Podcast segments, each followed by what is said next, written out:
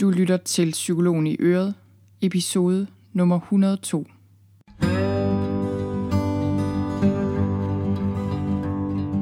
Velkommen til Psykologen i Øret. Jeg er psykologen Birgitte Sølstein, og Øret, det er dit.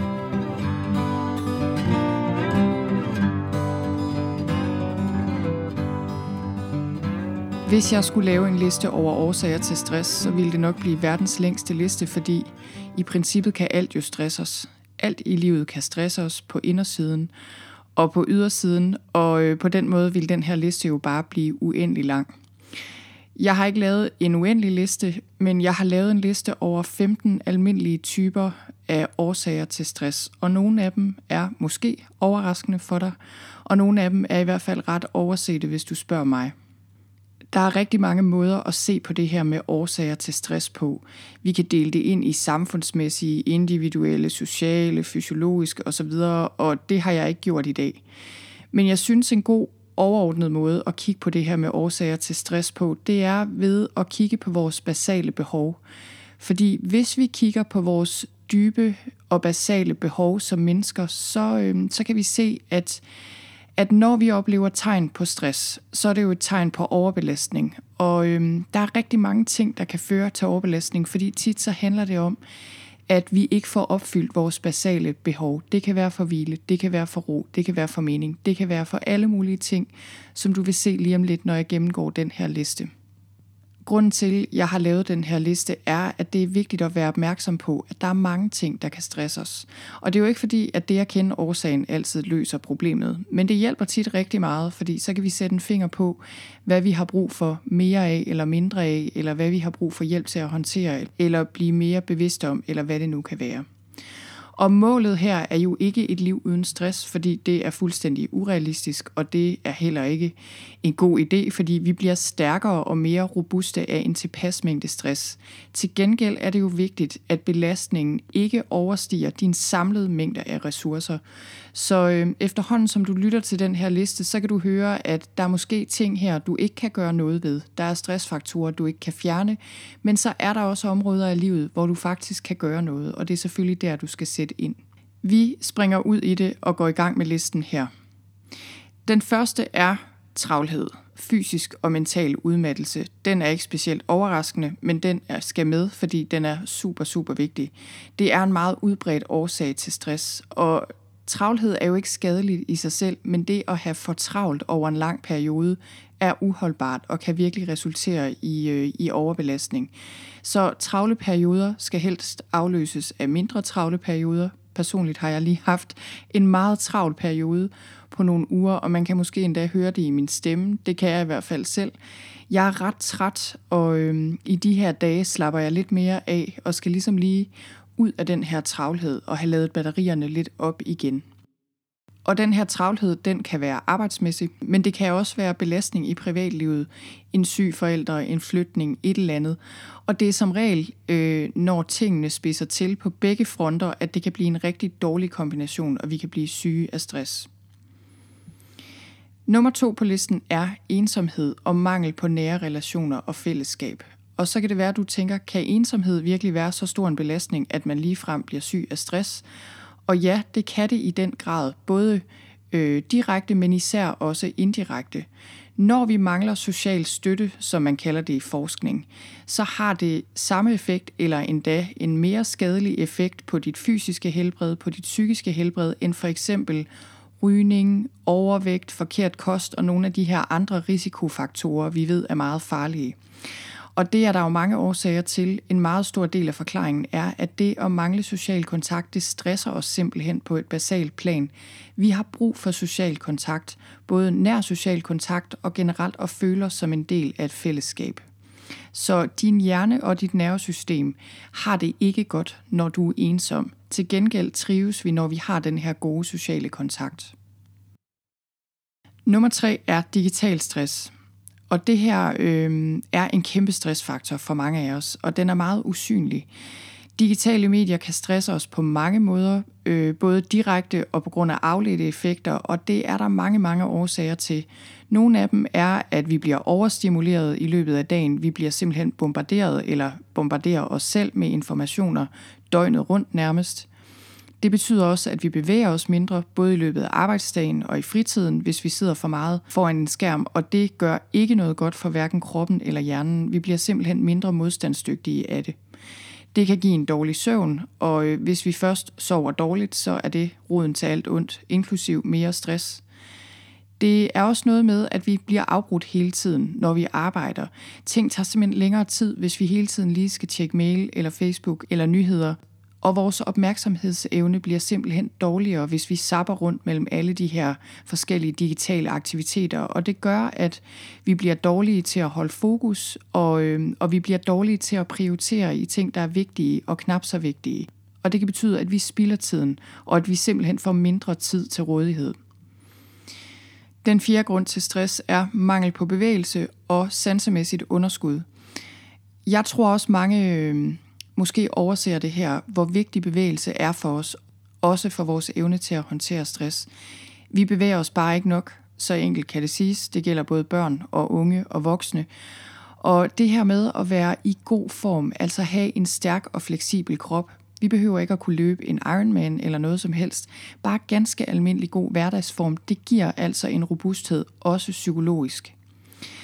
Og på samme måde, så øh, er mange af os også fuldstændig understimuleret sansemæssigt. Vi er altså skabt til at bruge alle vores sanser i løbet af dagen. Vi har brug for at dufte ting, mærke ting, smage ting, føle ting, høre ting. Og når vi bruger for lang tid indendørs, og især også foran en skærm, så bliver vi simpelthen udsultet sansemæssigt, og det giver os en dårlig trivsel, og det kan give os den her følelse af, at livet ligesom er endimensionelt. Femte årsag er værdibaseret stress. Værdibaseret stress er noget, jeg er stødt rigtig meget på, især da jeg superviserede andre faggrupper meget. Der var en periode, jeg superviserede socialrådgiver rundt omkring i jobcentrene meget, og her var folk meget ramt af værdibaseret stress. Værdibaseret stress opstår, når vi handler imod vores dybe menneskelige værdier, og det er der mange offentligt ansatte, øh, mange ansatte sikkert i det hele taget, der oplever, fordi arbejdsvilkårene og rammerne bare ikke giver mulighed for at udføre arbejdet på en måde, der harmonerer med de her værdier, vi har. Vi har måske et dybt ønske om at hjælpe nogen og gøre os umage. Det kan være, det var derfor, man blev socialrådgiver eller sygeplejerske eller læge eller hvad man nu er. Og når vi ikke kan det, så stresser det os. Sjette årsag er, hvis vi står uden for arbejdsmarkedet og den uvidshed og mangel på identitet, det kan give. Da jeg var ansat som psykolog, der arbejdede jeg i nogle år på beskæftigelsesområdet, så jeg arbejdede meget med folk, der stod på kanten af eller helt uden for arbejdsmarkedet. Og øh, det var slående, hvor mange mennesker som står helt eller delvist uden for arbejdsmarkedet, der trives dårligt psykisk og er ramt af angst og stress og depression og alt muligt andet. Det er meget mere udbredt i den befolkningsgruppe end hos folk, der er i arbejde. Og det kan der være mange årsager til. Det er jo sådan lidt hønen og ægget. Men det er en stor belastning at stå uden for arbejdsmarkedet. Fordi vi trives bedst med at være en aktiv del af fællesskabet i bund og grund. Vi er skabt til at være aktive, til at fordybe os i noget. Vi har det simpelthen bedst, når vi har gang i et eller andet. Og det kan være en enorm belastning at skulle være afhængig af det offentlige. Det er noget med, at der kommer nogle krav og en kontrol, som man ikke selv er herre over, og som man kan have meget svært ved at gennemskue når man står uden for arbejdsmarkedet, så giver det også ofte en økonomisk usikkerhed, og øh, for mange er jobbet jo også en kilde til socialt samvær, som er meget vigtigt for os alle sammen. Så der er mange grunde til, at det ikke at have et arbejde kan være enormt stressende. Syvende årsag her er traumer eller følelsesmæssigt overarbejde i familien. Det her er også en almindelig årsag til stress. Øh, traumer og stress er jo ikke det samme, men er i familie med hinanden, og der kan være lidt en glidende overgang fra alvorlig stress til PTSD for eksempel. Men øh, man kan sige, hvis man er traumatiseret, så sender det jo nervesystemet i det her permanente alarmberedskab, og så har man bare rigtig meget indre stress. Men det kan også være konflikter i familien, skænderier i familien for eksempel, eller sygdom eller dysfunktion i familien. Det kan for eksempel være alkoholisme hos en ægtefælle. Det kan være en kæmpe stor følelsesmæssig belastning, praktisk belastning. Det er noget, der rammer hele familien. Og det er jo bare sådan for os alle sammen, at i perioder af livet er vi rent følelsesmæssigt på overarbejde. Det kan være på grund af skilsmisse, syge børn, syge forældre, et eller andet andet, der kræver meget af os. Og sådan er livet jo bare, og sådan har det altid været. Men hvis vi kombinerer det med en travl periode på jobbet, hvor vi kræver meget af os selv, så kan det altså virkelig give en seriøs overbelastning. 8. årsag er mangel på natur. Det her er lidt i familie med mangel på bevægelse, mangel på sansemæssige input. Men vi er en del af naturen, og vi er skabt til at opholde os i naturen, og det glemmer vi. Når du opholder dig i naturen, så genoplader du batterierne fysisk og mentalt, og det, øh, det er virkelig noget, der gør, at dit nervesystem og kroppen falder til ro. Der findes endda en uofficiel diagnose for det her. Det var en forfatter, der hed Richard Lowe, der lavede den. Øh, han kalder det Nature Deficit Disorder. Og det er noget, mange af os ikke er så opmærksomme på det her, men det er altså også en vigtig årsag til stress. Næste årsag til stress er fremmedgørelse og mangel på mening. Det her er lidt i familie med værdibaseret stress. Men mangel på mening kan jo virke som et luksusproblem, men vi har faktisk et dybt behov for, at tingene giver mening. Det er der mange gennem tiden, der har peget på. Den østriske psykiater Viktor Frankl skrev en fantastisk bog, der hedder Man's Search for Meaning. Den er sikkert også oversat til dansk. Og han beskrev i sin øh, bog og den teori, han udviklede, hvordan vores dybeste drivkraft som mennesker er en søgen efter mening. Og på samme måde er der Aaron Antonovsky, som er en stor teoretiker inden for sundhedspsykologien øh, og den positive psykologi. Han er ophavsmand til det begreb, der hedder sense of coherence, oplevelse af sammenhæng, og det siger han er helt centralt for vores trivsel, altså den her oplevelse af sammenhæng. Når vi oplever mening og sammenhæng, så bliver vi i stand til at håndtere udfordringer. Når vi ikke oplever mening, så kan vi få den her følelse af tomhed, og vi mister simpelthen vores modstandskraft. Og det her med fremmedgørelse er jo sådan lidt et specielt ord, men øh, der er en dansk psykolog, der hedder Nadia Pretorius. Hun har skrevet en bog, der hedder Stress, det moderne traume. Og i den bog siger hun, at al den her meget alvorlige stress, vi ser i de her år, de øh, skal ikke kun ses i lyset af travlhed, men også hvordan de her moderne managementmetoder, som ligesom ligger lavret i organisationer i dag, de er med til at fremmedgøre os. Det vil sige, at vi fjernes fra det, der er vigtigst for os som mennesker, og det bliver andre ting, der styrer os. Altså de her organisatoriske værdier, der styrer os, som ikke nødvendigvis har noget at gøre med, hvad vi har brug for og hvad vi trives med. Og det er virkelig noget, der kan nedbryde os, og det er noget, der kan give symptomer på stress. Tiende årsag er et usundt arbejdsmiljø, eller konflikter på arbejdspladsen, eller en dårlig leder. Og det her er også en ret almindelig årsag til stress. Det, øh, det her med et sundt arbejdsmiljø, det er simpelthen så vigtigt, fordi når vi føler os godt tilpas, når vi føler os trygge rent socialt, så kan vi holde til mere, end hvis vi føler os utrygge.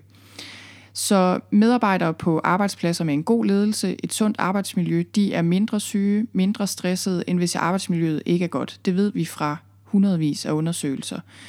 Det kan bare være en enorm belastning at være i et usundt arbejdsmiljø. Det kan være en enorm belastning at være udsat for en dårlig leder også. Det kan jo være en leder, der bare ikke er uddannet nok, eller som bare ikke egner sig til at være leder, trods de bedste intentioner måske. Men nogle gange er vi også udsat for en leder, som, øh, som er decideret skadelig. Øh, der kan være et meget højt konfliktniveau. Det kan være, at vi oplever mobning eller chikane, enten fra lederen, det kan jo også være fra kolleger, og det kan også være en enorm belastning og virkelig traumatisk. Ældre årsag er økonomisk stress. Der er mange, der nævner bekymringer om økonomi som en af de primære årsager til stress, eller en af de primære årsager til deres bekymringer – og der er undersøgelser, der peger på, at når vi har penge nok til at klare os nogenlunde, så gør flere penge os ikke lykkeligere eller mere ubekymrede. Til gengæld kan mangel på penge, eller måske frygten for mangel på penge, være en kæmpe kilde til stress.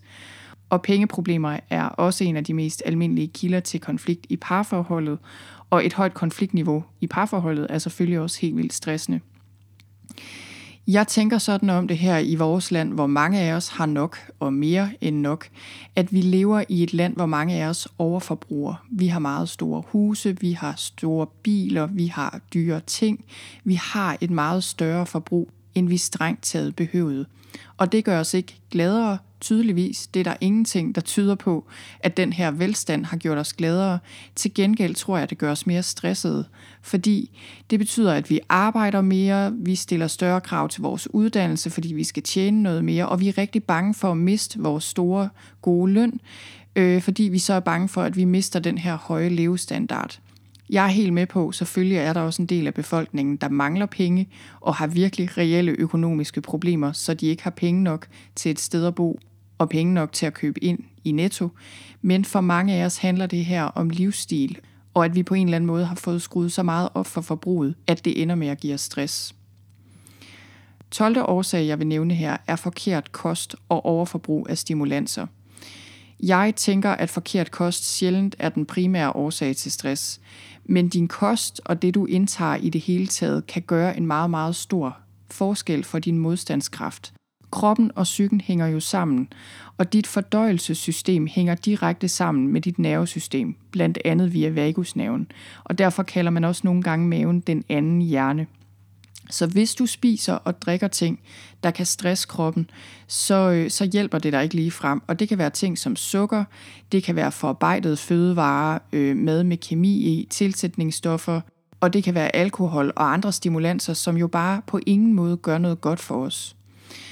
Der er flere og flere forskere, der peger på, at der kan være en sammenhæng mellem vores dårlige kostvaner, igen ikke at det er den eneste årsag, men at det er en af årsagerne til, at vi trives så dårligt psykisk. Fordi her i Vesten gennem de seneste 50 år måske, spiser vi mere og mere usundt, og samtidig bliver vi mere og mere stressede, angste, øh, vi bliver deprimerede, får demens, får opmærksomhedsforstyrrelser, alt muligt. Og der er altså nogen, der peger på, at vores kost kan være en del af årsagen. Årsag nummer 13 er indre stress. Det her er en vigtig kategori selvfølgelig. Det er en stor kategori. Det er ikke noget, vi kan se. Den her indre stress, den kommer i form af tanker, indre reaktioner, ting, der bor i vores krop, men som virkelig kan stresse os på indersiden. Så man kunne jo sige, at al stress skyldes indre stress, eller at meget stress skyldes indre stress, fordi alt det, der sker, bliver jo ligesom filtreret gennem sindet. Så det er jo ikke kun, hvad der sker i dit liv objektivt set, men i høj grad også, hvordan du opfatter det, der bestemmer, om du oplever noget som stressende. Når det så er sagt, så er det jo heller ikke sådan, at vi kan få stress til at forsvinde ved bare at ændre perspektiv eller tænke noget andet. Det er jo naivt at tro. Øhm, der er rigtig mange ting, der påvirker os direkte eller hvad skal man sige, uden om det rationelle sind, ting vi ikke kan tænke os fra, som for eksempel ensomhed eller traumer, bare for at nævne et par eksempler. Men indre stress kommer meget ofte i form af tanker, frygtbaserede tanker, enten om fortiden, tanker om fremtiden, om dig selv eller andre, altså tanker, der stresser dig. Og vi har alle sammen den her indre stemme, og den her indre stemme er langt hen ad vejen drevet af frygt. Den siger alt muligt, der kan stresse os utrolig meget. Årsag nummer 14 er de her personlighedsmæssige ting. Det kan være lavt selvværd, mangel på grænser, perfektionisme og ting i den stil. Det er en misforståelse at tro, at hvis du er stresset, så skyldes det udelukkende din personlighed, som for eksempel de her ting. Jeg tænker, at meget tit kan vi komme til at snakke om det, som om, at hvis vi bare kunne droppe vores perfektionisme, hvis vi bare kunne få et bedre selvværd, øh, blive bedre til at sætte grænser, så vil alt være løst. Og det er sjældent hele løsningen, fordi stress skal også findes i samfundsmæssige forhold, strukturelle forhold, nogle af alle de her mange årsager, jeg lige har nævnt, og uden for dig selv. Men når det så er sagt, så er det stadig vigtigt, at du kigger på din personlighed, arbejder med nogle af de vaner, du har, hvis du kan se, de er uhensigtsmæssige, og nogle af de tendenser, du har, du kan se, der bidrager til stress. Fordi det er klart, det at kende dine behov, det at passe på dig selv, det at lære at sætte sunde grænser, give dig selv lov til at slappe af, drage omsorg for dig selv, det vil gøre en kæmpe forskel, og det er en god stødpude mod stress. Årsag nummer 15, den sidste årsag, jeg vil nævne her, er store livsbegivenheder. Både de gode og de knap så gode. Så det er jo klart nok, at sådan noget som dødsfald, skilsmisser, ulykker osv. kan stresse os. Og det er virkelig en af de ting, der også er en, øh, en vigtig og almindelig årsag til stress. Men positive livsbegivenheder kan også stresse os. Det kan være, når vi flytter eller bliver gift, eller får børn, eller der sker et eller andet andet som udgangspunkt fantastisk. Og det kan også være de her livsovergange, altså når vi skal flytte hjemmefra, eller når vi skal flytte sammen med nogen, eller når vi øh, færdiggør en uddannelse, når vi får et job, når vi forlader arbejdsmarkedet. Altså der er rigtig mange livsbegivenheder, som også kan være årsag til stress. Og det var altså de 15 årsager til stress. Det gik lidt stærkt, det ved jeg godt. Det var fordi, jeg tænkte, at det her ikke skulle blive en mega lang podcast episode. Jeg håber, du bliver inspireret af at høre lidt om årsagerne til stress. Hvis du lige skal have dem repeteret og gerne vil læse en lille smule mere om dem, så kan du gå ind på min blog på sølvstein.dk-årsager til stress med bindestreg mellem ordene, og der finder du øh, den her podcast episode på skrift, og der har jeg også skrevet lidt mere i dybden om de her forskellige årsager til stress. Så vil jeg ellers bare sige tusind tak, fordi du lyttede med. Vi høres ved.